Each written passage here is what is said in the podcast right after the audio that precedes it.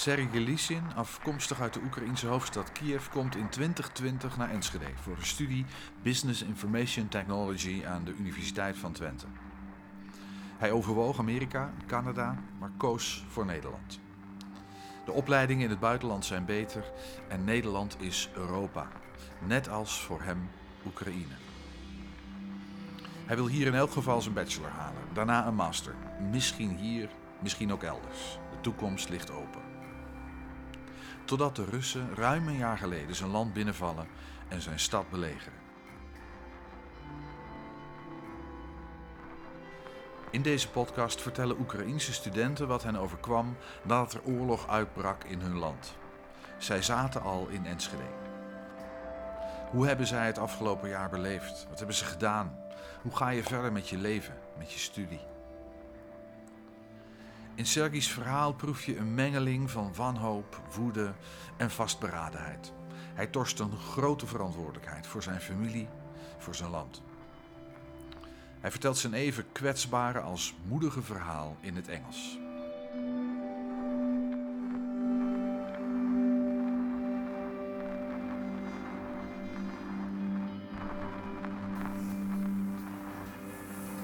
All right, Sergey. Take you back to 24th February 2022. Could you tell us where you were when you heard that Russia invaded your country? Yeah, sure. So I remember that on 22nd I went to travel uh, first to Poland for one day and then I went to Iceland. So of course I have heard the news. I was watching news on 22nd, like that Putin announced that they're like independence of uh, Donetsk and Luhansk regions. Um, so I was already like had bad thoughts, of course, uh, about this whole situation and the possible possibility of war.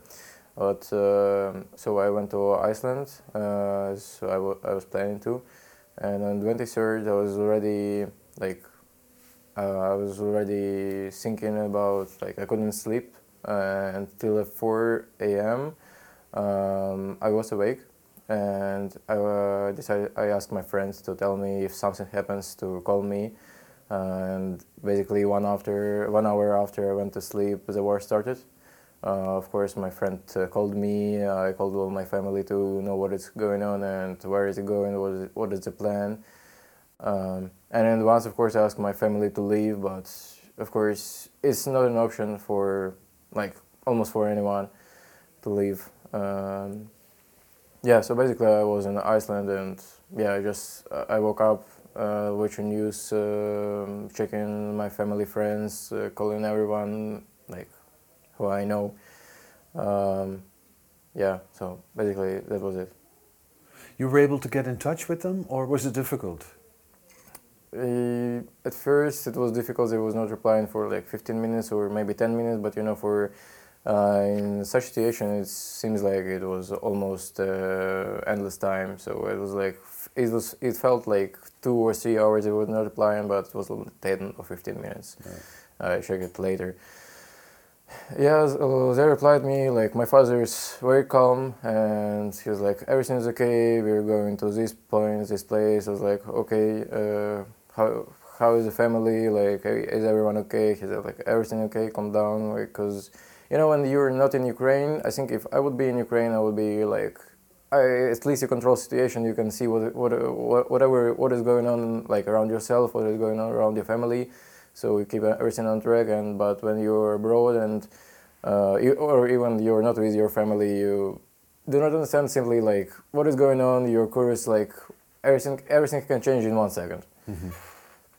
Yeah. so at first i could uh, have been in touch with them but then um, my phone died uh, and uh, it was a most awful, I think, one hour in my life when uh, I couldn't just reach to my family because um, I was not any ear socket and I couldn't charge my phone.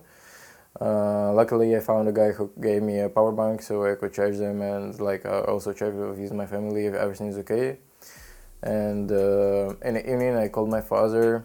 Uh, i remember he told me like uh, whatever is happening just um, uh, everything should be good. But you know like um, how I feel it?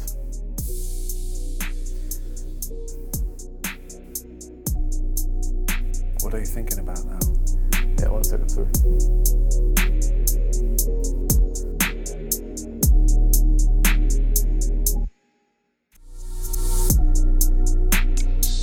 Sergei vertelt wat zijn vader tegen hem zei in een van de telefoongesprekken tijdens die eerste dag van de oorlog, breekt hij. Dat had hij niet verwacht. Want zoveel gehuild heeft hij ook niet. Maar hij wil verder, zijn verhaal afmaken. Can we stop for a second? Of course. Of course. Would you like a, a handkerchief or something?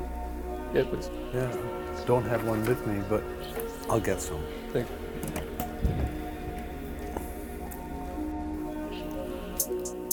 Heeft iemand een eh, papieren zakdoekje of zoiets?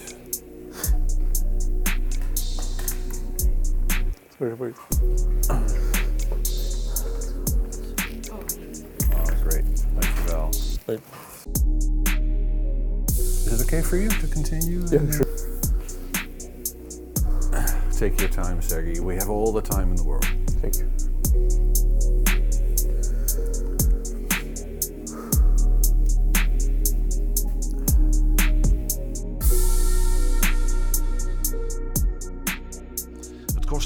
Kwartier om te vertellen wat hem zo raakt.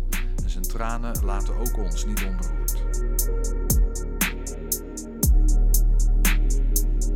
Would you like to share, uh, Sergey, what, what just happened? I mean, Uh, so actually, like all my dialogues with the family, especially with my father, like we have overcome with him a lot of stuff, a lot of, if we can say, like problems. So every time he says like everything will be okay, I realize that it's not okay. I very depend on my family, so not like depend, but have strong feelings to my family. Yeah, So it's always hard to talk about those moments. yeah. oh, Thank you. I remember that I was driving in a bus, like in Iceland, uh, with my Ukrainian flag. Uh, I was speaking with my father, like, what is going on? And he told me, like,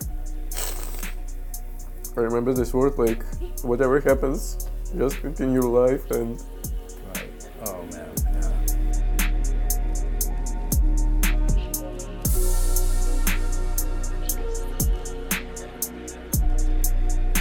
Could you describe what you did that first day? Oh well, I think what I did my this day I was just checking on my family and friends. Also thoughts about should I go back to Ukraine or should I stay abroad? How can I help Ukraine or just whatever. Mm-hmm. So it was more about thoughts and like what should, like what a, a plan to write a plan for all possible cases. So yeah, it was a it was my activity for this day. Yeah. And after the first shock, you know, the realization that really this was happening, what happened? Uh, how, how did that first week go? Oh, it's a lot. Yeah, I know. You know, like It's- uh, it's, it's more the question like after the first shock, because it's just like a realization, like this is Mhm. really happening, and then the first shock is over. And then, how did it go? on the second day, like first day I was in Iceland. On the second day I went back to Netherlands. Uh, so here was a like gaining of Ukrainians for like a protest, we can call it like that maybe, uh, on the central uh, central avenue or central area. So I went there already after uh, I went here. So I met my Ukrainian friends. So it was my like much easier because when you meet like and when I was in Iceland, I was like alone, and when you meet at least your friends, so it's much easier to overcome such uh, issues. can call it like that. Um, then of course we started volunteering. We started to sort things. So at first I didn't come up with something that I can do. So I just joined like already existing groups.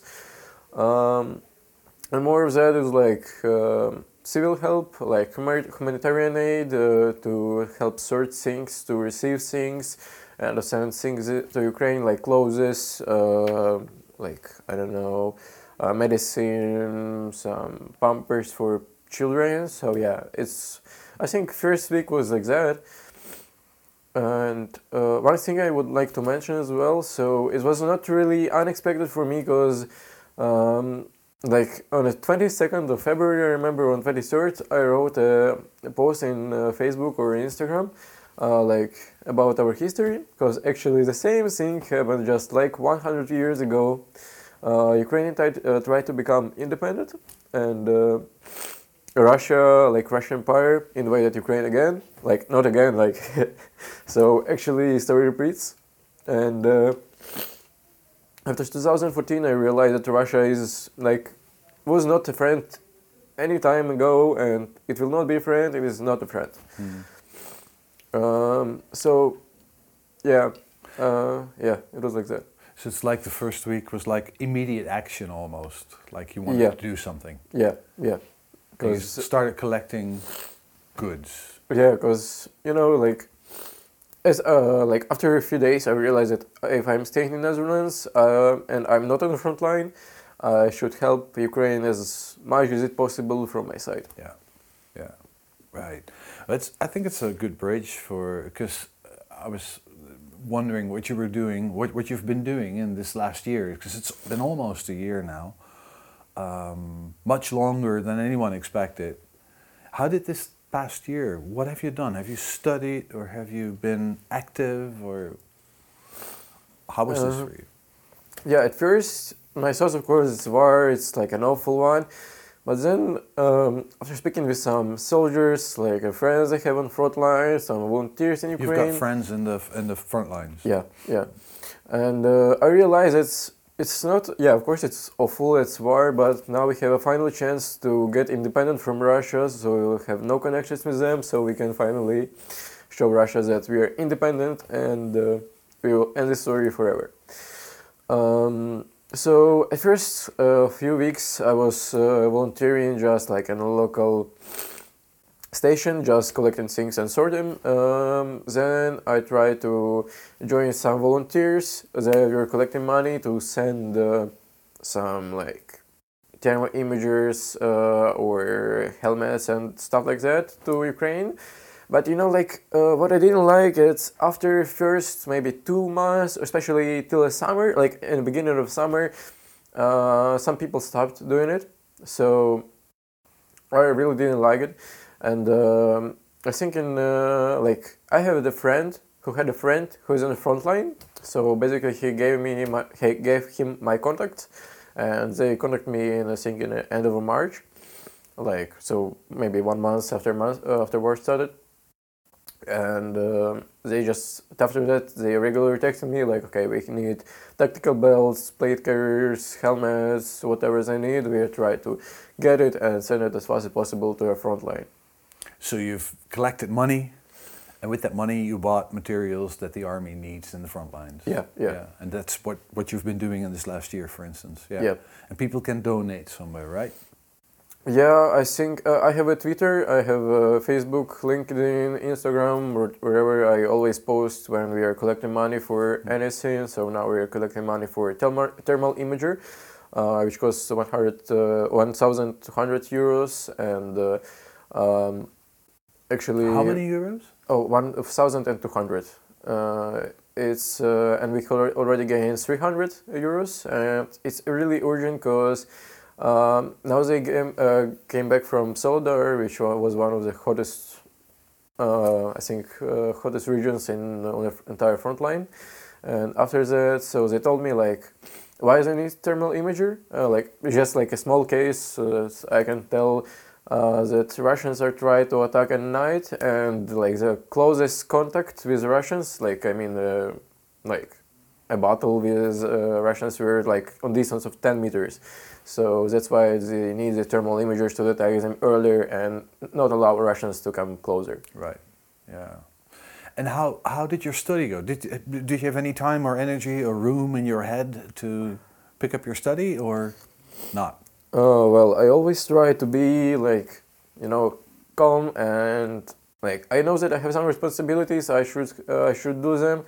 Um, so yeah, it just was one more responsibility that like I think like that I should be responsible, like and I should do it, like I must do it, I must help Ukraine. So it not really influenced my study. Of course, it was a bit harder, uh, but still I passed everything. So yeah, it, it was okay. And how, how did you do that? Try and focus on your study when you were very busy with what's happening in, U- in Ukraine, of course, as well. Because uh, I know that like my family helped me to get here, so it will be not respectful from my side to my family is that if I fail my study or I am not passing my exams, it will be like it will definitely not help my my family and Ukraine. So. And they, they urged you to come on, uh, Sergey, keep on. No, I, I urged myself so. Oh, you don't need there. yeah, yeah. it comes from you. Hey, and, and then your your contacts with uh, with Ukraine in this in this past year. How do you keep contact? Telephone calls, Telegram. How does it work? Like before war, I had uh, two times a week a call with my family and with my friends. Now, like with friends, we were just texting sometimes, like one maybe in a month.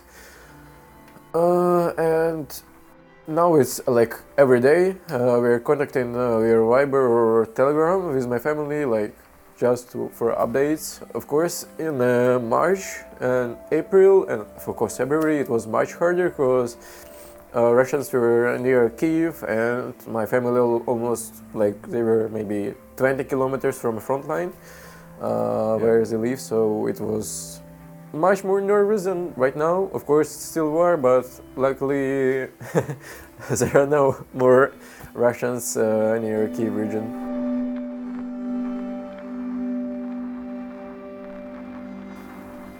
Is it visible on the camera that I was crying? Visible, yeah, it is visible. Oh, I see. But, you know, I think everybody will understand.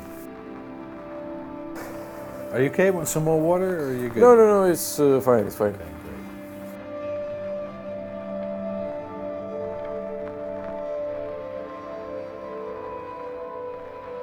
I did want to ask you, Sergey, are your um, family and friends, are they okay? Like um, it's hard to say that they're okay but like in um, like this reality they're pretty fine so like now my family like grandmother grandfather and my parents live in one house so now it's pretty fine for me because if something happens my grandmother or father will tell me so uh, I'll, go, I'll get always information that I need uh, so it's pretty fine and uh, my friends like they're like from what I know uh, my friends are also alright, uh, so they went uh, to some other cities like in March, but in April they already came back. So yeah, like everyone is nice, like in this reality. That's a blessing. Yeah. Have you considered, or have you been back actually to Ukraine or not to Kiev? Mm, no, not yet. I left. Planning to? Well, I would like to, but if I go to Ukraine, I cannot come back to right. finish my studies. So um, this is a hard point. Yeah. yeah, I remember that on the 4th of January of 2021, I left Ukraine. Oh, 2022, sorry. Yeah, 2022, I left Ukraine. So yeah, after that, I have, not, I have not been there yet. Yeah. Have you considered going back? Yeah, of course, of course. Uh, my first idea was like, should I go on the front line and uh, uh, like there was there were a lot of pros and cons uh, of going to front line. So actually, um, the one uh, and only thing I think I would not go to front line right now is that my family, because I like um, need to care take care of them, and like it would be like very hard for my family if I, if I go back to Ukraine, because you know like uh, they helped me to get here to get my studies to like and if I go back to Ukraine it will be like they would not really understand it like from they would understand it but it would not be really respectful from my side to what they did to me. Yeah. It's so, like a devilish dilemma almost right? Yeah. Yeah. Yeah. I get that. Hey it brings us to I think you know I was thinking about how do you view the future? Because you came to Holland in time of peace um, it was relaxed, nothing going on, the world at your feet. Your family helped you get here, and then all of a sudden hell breaks loose. Why did you come to Holland? What was your idea of the future when you came first? So, I was doing startups and uh, like uh, I was in IT already for five years before I came to uh, Netherlands. So you were young when you came, uh, very young. Yeah, I think it was 17 or 16. Yeah. Uh, and basically, uh, so my my idea was so I was thinking about going to Netherlands, uh, USA or Canada, and I chose Netherlands because like like make way closer. Uh, like it's more like European style, and like U- Ukraine is also European style, so it's kind of like easier to adapt here. And yeah, I know that uh, education is much better here than in some universities in Ukraine. So, um, so I wanted to get a degree here for sure. So I was not sure about like my life after uh, uh, getting bachelor's. I still have one one year and a half almost. Um, so yeah, I was thinking about doing masters or after that coming back to Ukraine. So yeah, I didn't have like a really strict or uh, defined plan when I came here only to get my bachelor's at least. Yeah. So all possibilities were open. Yep. How did the war change that perspective on your future? um, now it's very it's hard to talk about future because you never know what will happen tomorrow, and uh, yeah, I know that after my studies, oh, after after wars uh, ends, uh, first day a war ends, and uh, it's possible to get to Ukraine. Of course, I'll go to Ukraine. Uh, that's the only thing I know for now because it's very hard to plan the future. Uh, I get that. So if the war, if the war is over, you want to go back. Yeah, and then I will see what happens. Yeah, right. I know it's hard to talk about the future. Nevertheless, you must think about that. Do you have any prospect of this coming year? You know, Um, like, so now I'm volunteering alo- uh, alone, like almost alone. Some uh, friends help me. Uh, maybe we will try to grow a bit. So maybe we'll uh, like re- register as uh, like an official volunteering group in Ukraine. Uh, we will think also about it about that. So also always also of course I have a job. I have studies. And also we're working on our like startup, our project like separately. So of course I have aims also in professional life. So yeah, of course I have a plan for a professional life. right? Yeah. And um, when you think about Ukraine and the war, do you think what's maybe maybe ask it this way? What's your biggest concern for the coming year? Well, it's a pretty hard question, I would say. Like, can you elaborate a bit more on what do you mean? Um, basically, talking about the future of Ukraine and uh, uh, and uh, the, the, the, the, the, the um, how do you say it? development of uh, of the war in the country. Do you think it'll change, or do you think it'll be much the same, or um, and what would be something to really fear then? Um, you know, like I try to be such. Uh, I try to have like a, such a point of life. So um, things that I cannot change, um, I should not really care about. So I care about only like if there is. I should have like this feelings that there should be no one more thing that I could have done. So um, if I think I know that yeah, I, that everything that I have done, then it's fine. Um, of course, there is ever, ever more, so that's why we are developing.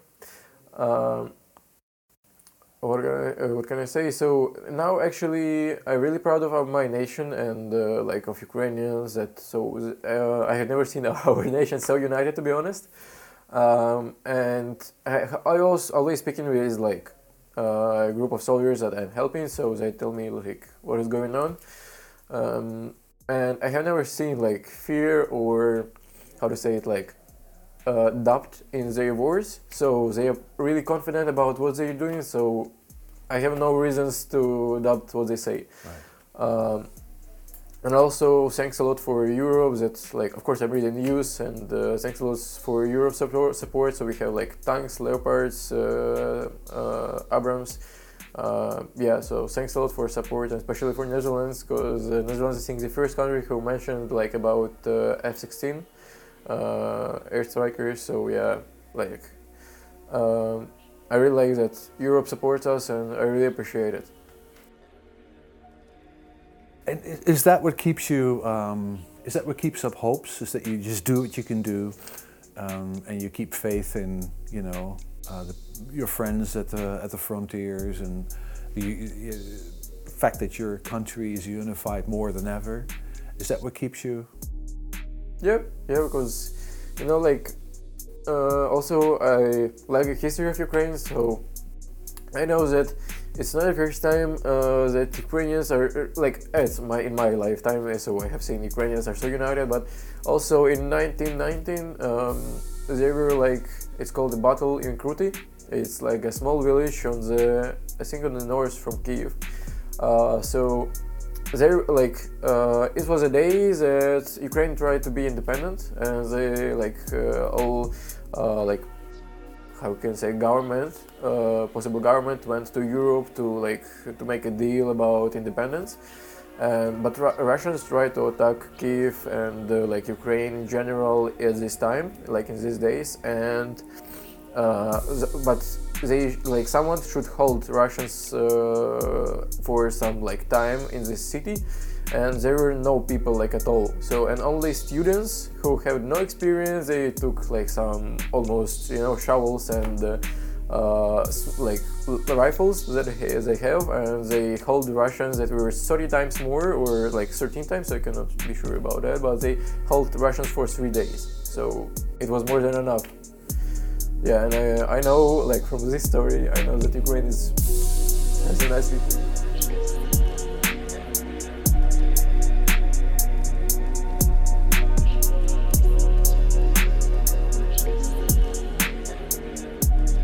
Dankjewel voor het luisteren.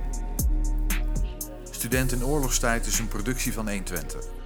We maakten deze podcast in het kader van een journalistiek project van Twente tot Oekraïne, waarin we verslag doen van de manier waarop de oorlog in Oekraïne ook mensen in onze regio raakt.